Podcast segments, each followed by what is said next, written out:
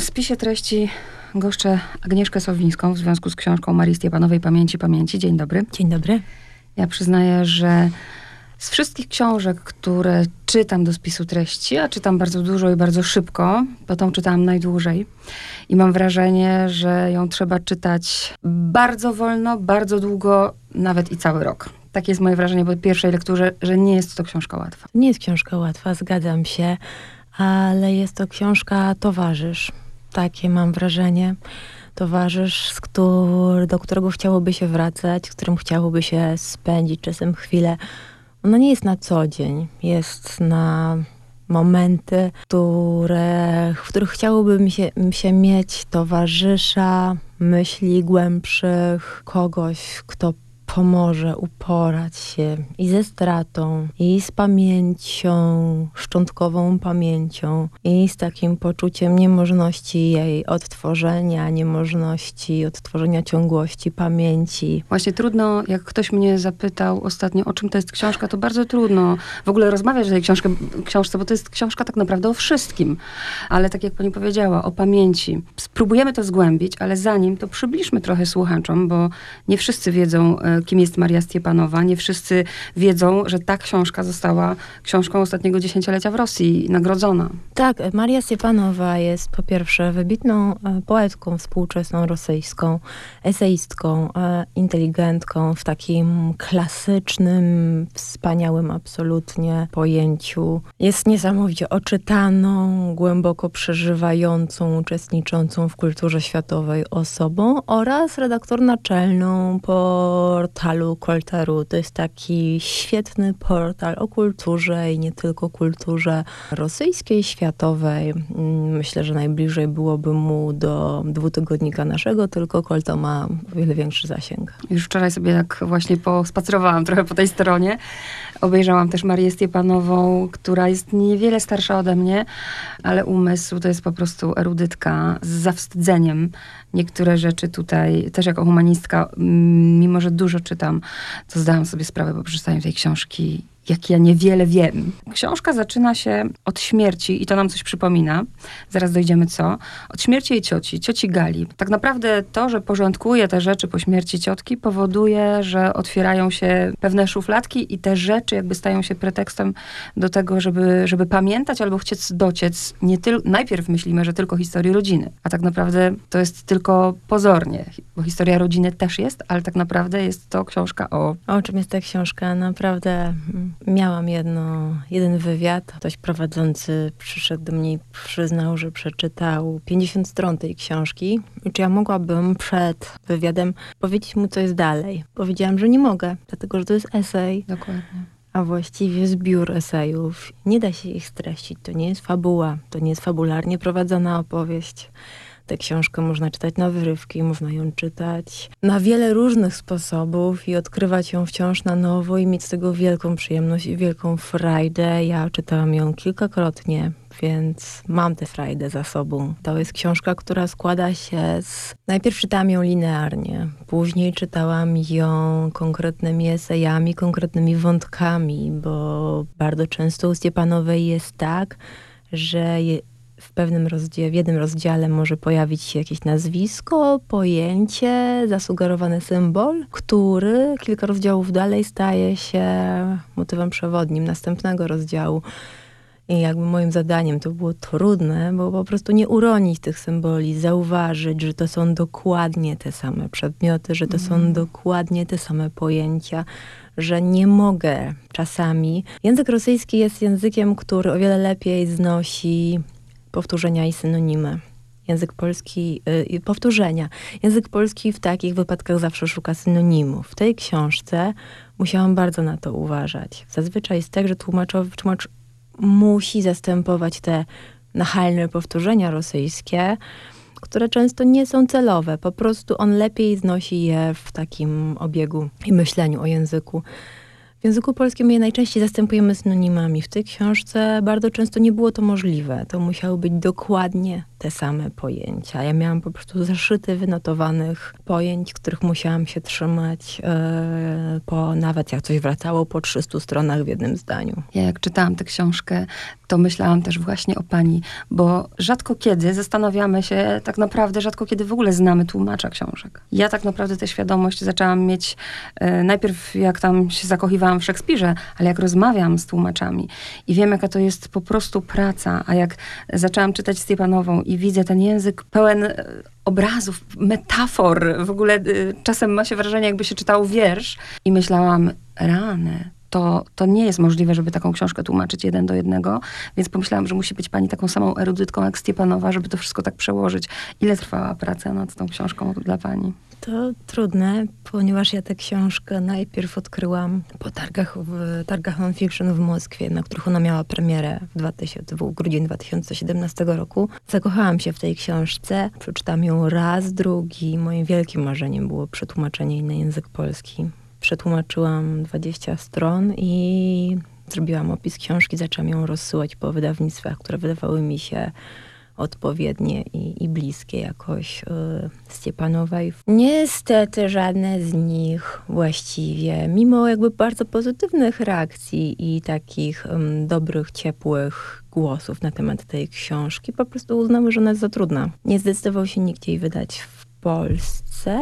I aż do momentu, w którym 10 miesięcy później odbicił się od siedmiu wydawnic, zadzwoniło do mnie zupełnie niespodziewanie wydawnictwo Pruszyński z propozycją przetłumaczenia tej książki, kompletnie niezależnie od moich e, starań. E, I to było, to był naprawdę mm, jeden z najdziwniejszych i jednocześnie najwspanialszych dni po tej długiej walce o to, żeby ta książka się w Polsce ukazała. Ja też nie chcę, broń Boże, żeby to zabrzmiało, kiedy słuchacz y, będzie tutaj yy, myślał, że oj, to, to ja nie dotknę tej książki, bo ona jest zbyt trudna. Nie, nie, to w ogóle nie o to chodzi.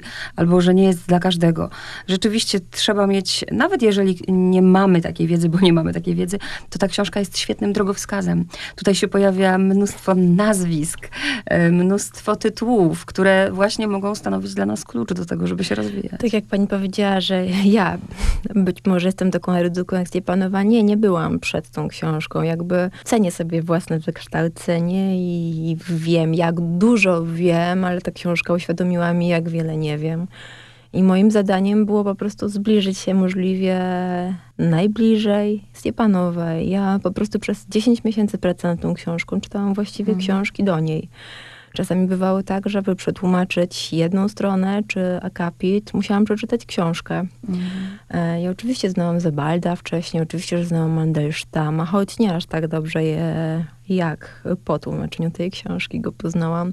Oczywiście, że znałam Nabokowa, oczywiście, że znałam jakby część z tych nazwisk, które ona przywołuje, na których się opiera, opiera swój dyskurs ale na przykład nie znałam twórczości Charlotte Salomon, w której zakochałam się absolutnie po tym odkryciu jej przez e, Stepanowu. Dla mnie i mam nadzieję, że dla innych czytelników i naprawdę marzę, żeby móc zobaczyć tę pracę i na żywo, nie tylko za mhm. pośrednictwem internetu. Ja też myślę, że co innego jak my na poziomie oczywiście takiego wykształcenia, które mamy, e, orientujemy się w twórczości ludzi, o których ona pisze, a co innego, kiedy się tłumaczy taką książkę i tak jak pani mówi, trzeba to, o czym ona pisze, zgłębić, żeby móc zrozumieć to i dobrze tak. oddać to, co ona chciała oddać. Tak, muszę przyznać, że to było, to było najtrudniejsze. Wyszukiwanie. Rosjanie w ogóle mają taką mm, zdolność taką wiarę bardzo głęboką w czytelnika i w jego inteligencję i erudycję. I tak wiarę w to, że poruszają się jego czytelnicy w podobnym obszarze cytatów, jakichś dookreśleń, pojęć. I cytaty u Stiepanowej w oryginale nie są oznaczone. One są po prostu częścią książki mm. i to moim zadaniem było odkrycie ich i odnalezienie ich źródeł, a następnie, jeśli to było tylko, jeśli tylko istniały przekłady, to odnalezienie ich w polskich przekładach. To naprawdę była żmudna praca i zajęło mi to tygodnie. Mhm. To może tak. Dla mnie najważniejsze słowa w tej książce, które jakby mm, kondensują cały sens tego, co tu jest, mówię dla mnie, są na 94 stronie, ale żeby, oni, żeby przeczytać te słowa, to myślę, że przywołajmy, bo to jest bardzo ciekawe. Powiedzmy o okładce. Kto jest na tej okładce i powiedzmy o tej historii. Na okładce jest figurka. Jest to biały, porcelanowy, groszowy chłopczyk bez nogi. Jest tyłem i były to figurki produkowane w XIX wieku w Niemczech. Takie tanie zabaweczki, które można było kupić w każdym właściwie sklepie za dosłownie grosze. Maleńkie laleczki, na które stać było każdego, bardzo tanio wykonane, ale ich przeznaczeniem nie było bycie zabawką tak naprawdę tylko były tym, czym dzisiaj są styropianowe kuleczki czy folia bąbelkowa w paczkach. Były amortyzatorem do przewożenia większych rzeczy. Stepanowa uczyniła z tego, tej figurki kupionej na targu staroci w Moskwie, przepiękny symbol. Jeden, jeden z wielu powracających leitmotywów tej książki i jeden z wielu symboli niemożności odtworzenia ciągłości pamięci. I teraz muszę zacytować, bo uwielbiam po prostu ten fragment. I tak kupiłam swojego chłopca, nie zapisując ani nazwy fabryki, ani telefonu, ani sprzedawczyni. I teraz ten najważniejszy cytat. Było to od razu o wszystkim, o tym, że ani jedna historia nie dociera do nas w całości, bez odłamanych stóp, odpryśniętych twarzy i o tym, że luki, wyrwy są nieodłącznym towarzyszem utrzymywania się przy życiu, jego ukrytym motorem, mechanizmem przyspieszenia i o tym, że tylko trauma wyłania nas jednoznacznych, niestandardowych z masowego produktu. Tak bym ja mogła podsumować e, treść tej książki. To chyba rzeczywiście jest bardzo trafny cytat. Właśnie o mechanizmach pamięci, o tym, że Maria Stepanowa poszukuje swojej tożsamości. Tu też warto powiedzieć, że y, ona pisze o tym i na początku, i pod koniec, gdzie używa wtedy trzecioosobowego narratora, mm, mówiąc o sobie, wyobraźcie sobie bohatera, że tak naprawdę ta książka była w niej od zawsze. Ona zaczęła ją pisać, jak miała 10 lat. Tak, to prawda, ale ja bardzo lubię też ten motyw, w którym ona pisze, ona ją od zawsze chciała napisać i od zawsze się uchylała od napisania tej książki, że rzeczywiście zaczęła ją pisać w wieku 10 lat, pierwsze podejścia i za każdym razem uważała, że wciąż nie jest na to gotowa, przerywała. No i ten pretekst śmierci cioci Gali. Tak tu od razu Marcin Wicha się... Tak, oczywiście, ale tak naprawdę prowadzi nas do innej śmierci w jej życiu, czyli do śmierci mamy która myślę, że była dla niej o wiele boleśniejsza, o wiele bardziej dotkliwa. Być może potrzebowała użyć śmierci cioci, by móc w pewien sposób opisać śmierć mamy, która pojawia się trochę marginalnie w tej książce, ale myślę, że to jest taka maska. Jest też e, tutaj taką głośną refleksję sobie prowadzę, coś, co na mnie też zrobiło wrażenie właśnie a propos tego mechanizmu pamięci, tego jak, jak tak naprawdę, bo mamy też pewnego rodzaju ironię. Dwie rzeczy, które, e, które tak mocno też e, mnie zastanowiły. Pierwsza, kiedy opowiadała historię swojej przyjaciółki i jej taty czy ojczyma, który no, miał do powiedzenia jakąś historię i tuż przed śmiercią, prawda, zawołał rodzinę, no ale nie zdążył tego powiedzieć, po czym jakiś czas później ona mówi do przyjaciółki, no i nigdy nie dowiedziałyście się, a przyjaciółka na, na tak wyparła ten moment, prawda? To jest ta pierwsza refleksja nad właśnie tego, czym jest pamięć, a druga, kiedy już sobie sama zbudowała z tych zlepków, z tych, z tych podwórek swoją tożsamość tego, kim był jej pradziadek, po czym się okazało, że pan pomylił mieszkania, że to wcale nie był ten dom. Tak, to jedna z moich ulubionych tak. opowieści tej książki, gdy rzeczywiście staje na podwórku, którego nie miała prawa nigdy widzieć ale jednocześnie mm, gdzieś na głębszym poziomie rozpoznaje właściwie każdy kamień, każdy płotek i roślinka, która tam rośnie, każdą cegłę. I czuję, że tak, stąd, stąd jestem, stąd się wywodzę, a tydzień później przyjaciel do niej dzwoni, słuchaj, ja pomyliłem domy, to, to nie był ten dom. I ona to podsumowuje takim prostym zdaniem. I to jest mniej więcej tyle, ile wiem o pamięci. I to jest bardzo mocne zdanie. I tam jakby ten refren powtarzających się właśnie historii, w których ona się zbliża do historii po to tylko, żeby okazać się, że nie jest w stanie jej dotknąć. Mm jest bardzo przejmujący. ten motyw kawkowski się tam też pojawia, prawda? Tego, że zawsze będziemy wymyślać, budować, a z drugiej strony trudno też sobie odpowiedzieć na pytanie, kim się jest, jak się nie zna swoich korzeni. Ta książka też mocno tak prywatnie mm, mnie zabolała w takim sensie, że ja pomyślałam, że ja nic nie wiem o swoich korzeniach. Kompletnie nic nie wiem. A ona jednak fascynujące jest też to, że tak dużo ma tego materiału, że te listy wszystkie się zachowały. To prawda, ja też nie, nie mam tego szczęścia, by wiedzieć zbyt wiele o moich przodkach. Naprawdę moja wiedza kończy się właściwie na dziadkach i imionach pradziadków. Imionach to jakby nic więcej. Nie mam nawet ich Mhm. zdjęcia, portretu, czy... No ale myślę, że to jakby wszystkich, e, głównie z rodzin pochodzących z, jednak z, no, po prostu z pochodzenia chłopskiego, Mhm. jakoś gdzieś e, dotyczy, tak? Ta pamięć była inaczej pielęgnowana, celebrowana w rodzinach mieszczańskich, e, inteligenckich. Nawet jeśli były rodziny zubożałe, to, to było zupełnie co innego niż rodziny chłopskie, które po prostu żyły raczej z dnia na dzień i przekazywały ziemię, a nie pamięć. Pamiętam, że jak zaczynałam czytać listy ciotki Gali, znaczy listy dzienniki, Mhm. to są fragmenty dzienników, to też na początku nudziło mnie to, a chwilę później, właśnie chyba to o to Stepanowej chodziło, żeby się zatrzymywać i myśleć. A później pomyślałam właśnie, to jest to, co każdy człowiek chce pamiętać. Każdy pamięta inne rzeczy, a mało tego, z tych skrawków, co zostawiła, zapisków po prostu codziennych czynności, trudno zbudować pamięć o tym, jaki ktoś był. Tak, tak, bo ciocia Gala zapisywała rzeczy niewiarygodne. Długo czekałam Mm. na autobus. Dziś, Ja- ja byłam w szoku, dziś tak. przerobiłam kapustę. Dziś nastawiłam pranie, wyprawam dwa prania, tak? Czy ja chcę to akurat pamiętać o jakiejś osobie? Nie, to są kompletnie rzeczy, których nie, nie są mi potrzebne do wiedzy. Też y, takie duże wrażenie na mnie zrobiła Stepanowa, bo my myślimy, stereotypowo myślimy, że nie wiem, Rosja to jest, y, to jest tam. Tu jest Europa, prawda, tam jest Rosja. I nagle widać, y, właśnie tu mi z Herbertem się bardzo kojarzyła, tą Stepanową, która po prostu podróżuje po Europie, która ogląda muzea, która, że to jest książka wychodząca poza Rosję. Tak, i to, to jest bardzo europejska. też, ona jest bardzo europejska i myślę, że też dlatego e, jest tak doceniona w Europie, bo ona jest już rzeczywiście przetłumaczona chyba na większość języków europejskich. W Szwecji w grudniu mm, została uznana, były krytycy szwedzcy, literaccy zrobili takie podsumowanie dekady literackie w Szwecji i wśród dziesięciu książek, które wybrali na podsumowanie dekady najważniejszych, jakie ukazały się w Szwecji, jest między innymi Pamięci Pamięci Stepanowej. I myślę, że to właśnie to właśnie pokazuje, i to jest świetne, dlatego że my mamy dwa stereotypy Rosji. Albo takich po prostu nowych Rosjan mm, z rublowki, e, obwieszonych złotem i jakoś obnoszących się e, swoim bogactwem. Bardzo lubimy takie historie jako Prochorowie, który w Courchevel spędził Sylwestra i w kieliszku każdego gościa był z szampanem, był ukryty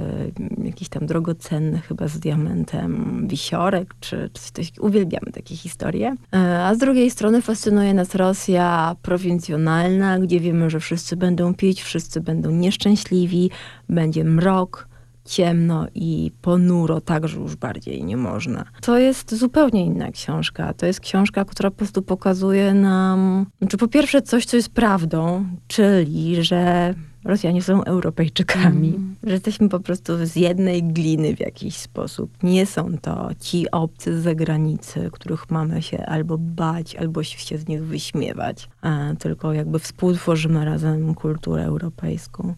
Bardzo tego nie doceniamy dzisiaj. No w ogóle to jest przyjemność chyba dla każdego e, i też dla historyków, bo jest historia żydowskich elit, prawda? Jest Tak. his, historia wojny w tak delikatny sposób. Ja też pomyślałam, że jak ja na studiach czytałam eseje o fotografii Susan tak bo każdy czytał, to teraz powinno to być na liście lektur dla, dla, dla studentów. Powiedzmy jeszcze coś o kompozycji. Czym są rozdziały, co jest w nierozdziałach, o tym, że można czytać tę książkę linearnie, ale można też czytać oddzielnie. Ta książka jest podzielona na trzy części.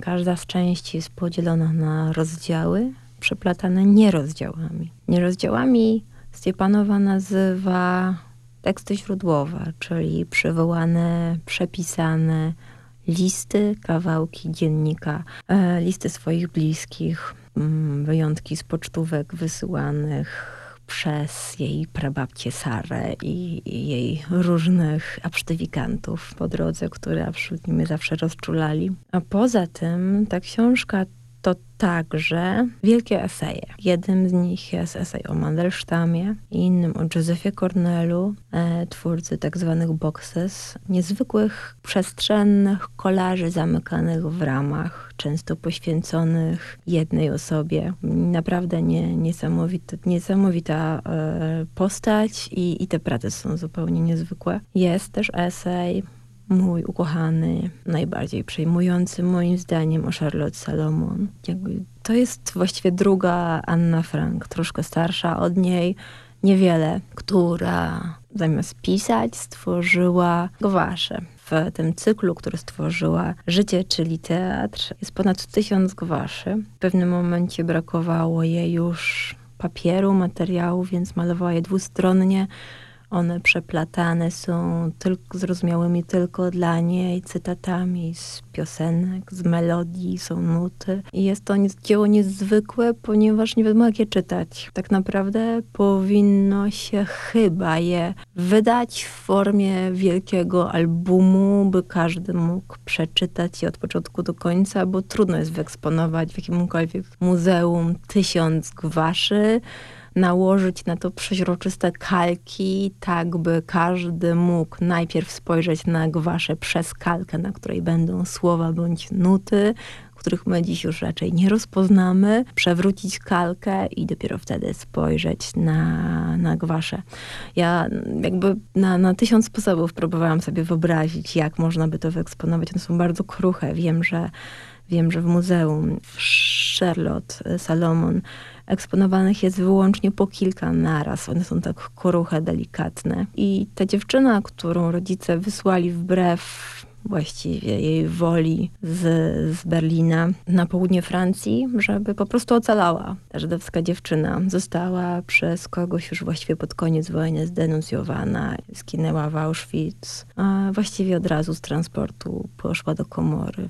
Nie wiadomo dlaczego. Ona się zastanawia nad tym właściwie, mhm. dlaczego była to młoda 23-letnia dziewczyna w sile wieku, piękna. Stepanowa uważa, że taką że przeważyło to, że po prostu była w ciąży. E, natomiast niesamowita jest, niesamowite są splecione losy tych, tych historii, bo okazuje się, że mm, odkrycie, że e, rodzice Anny Frank, dziennik Anny Frank pokazali najpierw rodzicom Charlotte Salomon, a z kolei rodzice Charlotte Salomon gdy odkryli jej pracę, jej gwasze, pokazali je najpierw rodzicom Anny Frank. I te historie, po prostu cała historia XX wieku się gdzieś splata. Tak. To jest naprawdę niezwykłe w tej książce, że ona dokładnie nam to pokazuje, że te historie się wszędzie, zawsze jakoś zazębiają. Wczoraj bodajże, tak wczoraj, wczoraj miałam rozmowę z Julią Fiedorczuk na temat jej najnowszej książki, która okaże się 25 marca pod słońcem. I ja miałam takie uczucie, że czytam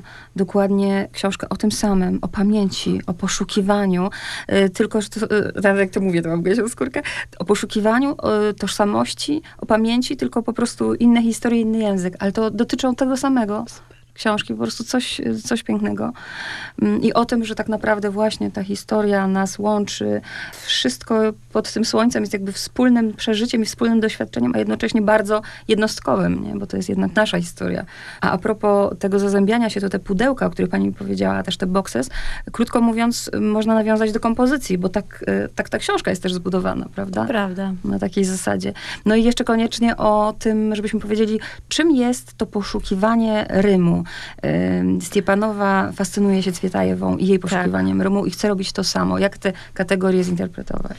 No, kategoria rymu jest dosyć trudna. Rymy nie są oczywiste. Rymy to są historie, które odbijają się jakby w sobie, przeglądają się w sobie nawzajem w przestrzeni, e, w czasoprzestrzeni właściwie. Mm, tak, rzeczywiście jest to dla niej bardzo ważne i to widać na poziomie właśnie i powracających pojęć, i powracających historii, i powracającego leitmotivu, gdy ten chłopczyk z okładki który miał być takim świetnym. Gdy go kupiła, to jakby była zachwycona, zachwycona. Mam zakończenie książki, mam jej jakby symbol. I tylko, że chwilę później chłopczyk wypadł jej z kieszeni i potłukł się na kawałki. Tak naprawdę to jest, to jest symbol tej książki. I tam jest ich wiele, tak jak i ten chłopczyk, który się rozpada, i to podwórko rozpoznane, które Mhm. okazuje się nie tym podwórkiem. Ta kategoria rymu po prostu obejmuje całą książkę i jest niezwykle e, istotnym aspektem. Cieszę się bardzo, że pani to zauważyła, bo nie każdy to dostrzega, prawdę mówiąc. Nie każdy, e, nie każdy wyłapuje, że, że ta kategoria rymu jest tak ważna. Ja czytałam tę książkę bardzo długo, przyznaję. Miałam nawet takie uczucie, że, że za długo, ale później zrozumiałam, że tę książkę się właściwie, że to jest książka na całe życie. Taka jest puenta i pewnie na pewno, pewnie na pewno będę do niej wracać. Właściwie trochę mi pani odpowiedziała już na to pytanie y, o pracę, ale może nie zapytam, co było najtrudniejsze, bo tu jakby się domyślam właśnie, że, ale może które z tych książek, które pani czytała do tłumaczenia tej książki, były bardzo pomocne? Zebald, po prostu Zebald. Dlatego, że on jest bardzo ważnym pisarzem e, dla Stepanowej. E, Zebald i, i Nabokow, jego taka książka autobiograficzna Pamięci Przemów. To były dwie najważniejsze książki, których, które myślę, że gdzieś korespondują z tą książką bardzo mocno i ale też różne polskie książki. Ja tłumacząc trochę jest tak, że staram się umieszczać książkę w pewnym literackim świecie. E, No i oczywiście nie da się obyć oczywiście tutaj bez Marcina Wichy, Hmm. nie da się obyć bez e, Macieja Zaręby, nie da się obyć bez Moniki Schneiderman, ale nie da się obyć też na przykład bez Wojciecha Nowickiego, jego esejów o fotografii, które czytałam, gdy tłumaczyłam jeden z rozdziałów, który składa się wyłącznie z opisów fotografii, których nie widzimy. Te opisy są tak poetyckie, a jednocześnie tak wyraziste, że starałam się jak po prostu poszukać najwłaściwszego języka i tu mi bardzo dobrze rezonował z nimi Wojciech Nowicki, którego czytałam nie po to, żeby kopiować, ale po to, żeby w pewien sposób złapać rytm opowieści o, o konkretnym zdjęciu, który jest czymś więcej oczywiście zawsze niż opisem zdjęcia. Ja też tak myślę, jaka to jest satysfakcja dla pani, jaka musi być, bo e, tak naprawdę dzięki pani my możemy Stepanową czytać. Pani ją poznała? E, Poznam ją teraz, znaczy znam ją tylko mailowo i, i facebookowo, bo tak korespondujemy. Myślę, że się polubiłyśmy przez te, przez te wiele, wiele miesięcy korespondencji i dziesiątki, a nie wręcz nie setki moich pewnie dopytań o niektóre rzeczy. I bardzo się obie cieszymy, że poznamy się właśnie tu w Krakowie w czerwcu, e, ponieważ Uniwersytet Jagielloński na początku czerwca organizuje trzydniową konferencję poświęconą twórczości Stepanowej. To ja muszę się tam dostać. Koniecznie, naprawdę. Koniecznie. Myślę, że to będzie wspaniałe wydarzenie. No bardzo, bardzo dziękuję. Agnieszka Sowińska była moim gościem. Bardzo dziękuję za rozmowę.